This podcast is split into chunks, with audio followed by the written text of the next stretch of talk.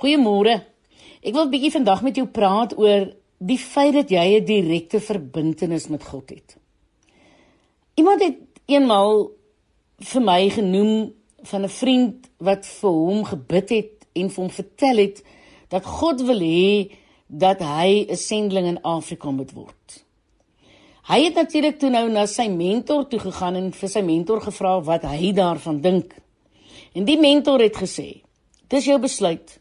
Maar as jy op daardie vriend se aanbeveling Afrika toe gaan, moet jy net seker maak dat hy saam met jou gaan sodat hy jou ook kan vertel wanneer jy moet terugkom. Jy sien Jy het nie nodig dat iemand anders jou vertel wat God van jou verlang nie. Kommunikeer sommer self met God. Ek is hieraan herinner toe 'n jong dame my 'n paar jaar gelede kom vra het oor 'n verhouding. Sy het gesê daar's 'n man wat sy skaars ken wat beweer dat God hom vertel het dat hy met haar moes trou. Ek kon natuurlik my lag nie hou nie, want dit was 'n mooi jong meisie. Ek vertel haar toe sy moenie die man se praatjies te ernstig opneem nie, want elke enkel lopende jong man wat haar sien, gaan presies so dink. Hy's maar net die enigste ou wat die moed gehad het om so iets te vertel het ek met 'n glimlag gesê.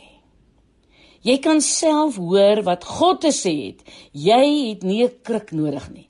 Luister net, luister na die sagte stem in jou binneste. God God praat soms met ons op 'n manier wat ooreenstem met sy geskrewe woord. Die skrif vertel van 'n jong leier Gideon teen wie drie leers opgemars het.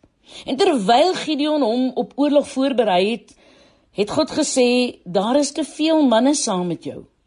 As jy die vyand met so 'n groot mag verslaan, gaan jy dalk dink jy dit self reg gekry en dan gaan jy my nie my regmatige erkenning gee nie. En om sy mag te verklein, gee God hom toe opdrag om almal wat bang is huis toe te stuur. Ek kan my net indink dat Gideon so armoedig en bang was dat hy die slag gaan verloor omdat hy nie genoeg vegters het nie. Gaan lees 'n bietjie daarvan in Rigters 6. Maar God was nog glad nie klaar met die besnoeiing aan sy weermag nie. Gideon, jy het steeds te veel mense, het God gesê. Teen die tyd dat God klaar was, het daar van die 32000 man slegs 300 oorgebly. Ek is seker Gideon het gedink sy uitgedunde mag gaan verseker uitgewis word. Dis egter nie die aantal mense aan jou kant wat belangrik is nie. Wat belangrik is, is dat jy die regte mense aan jou kant het.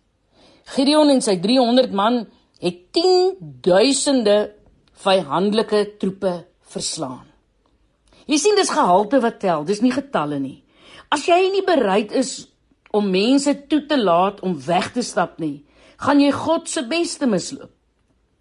Moenie verbaas wees as God jou eie weermag verminder nie. En as dit gebeur, moet jy besef, hy probeer jou nie agteruitneem nie. Hy berei jou voor vir 'n nuwe vlak. Jy sal verseker oorwinnings behaal wat onmoontlik gelyk het wanneer jy ophou om van ander afhanklik te wees en jou verander groter dinge te laat salf. Ek het jare gelede glad nie gedink dat ek in die openbaar sou praat nie, maar vandag praat ek byna elke dag met mense. Dit sê vir my God het ons nie net die helfte van ons talente gegee nie. God het ons alles gegee wat ons nodig het. God het jou nie van iemand anders afhanklik gemaak nie. Moenie op iemand anders staat maak om vir jou te bid of namens jou te praat, namens jou te glo en jou aan te moedig nie. Nee man, gooi daai ou krikke neer en loop sonder ander mense se hulp. Moenie op enige iemand staat maak om dinge vir jou te doen wat jy self kan doen nie. Kyk 'n bietjie na binne en gebruik die krag die wonderlike krag wat God in jou gevestig het. Jy sal 'n nuwe selfvertroue vind, net soos Moses. Ja, dit mag vir jou 'n uitdaging wees, maar jy gaan nuwe gawes en talente ontdek. God God sal op die regte tyd die regte mense voorsien. Ek glo vandag en ek verklaar dat jy ten volle gaan word wat God jou geskep het om te wees. Ek is Lenet Beer vir Radio Kansel. 'n wonderlike dag vir jou.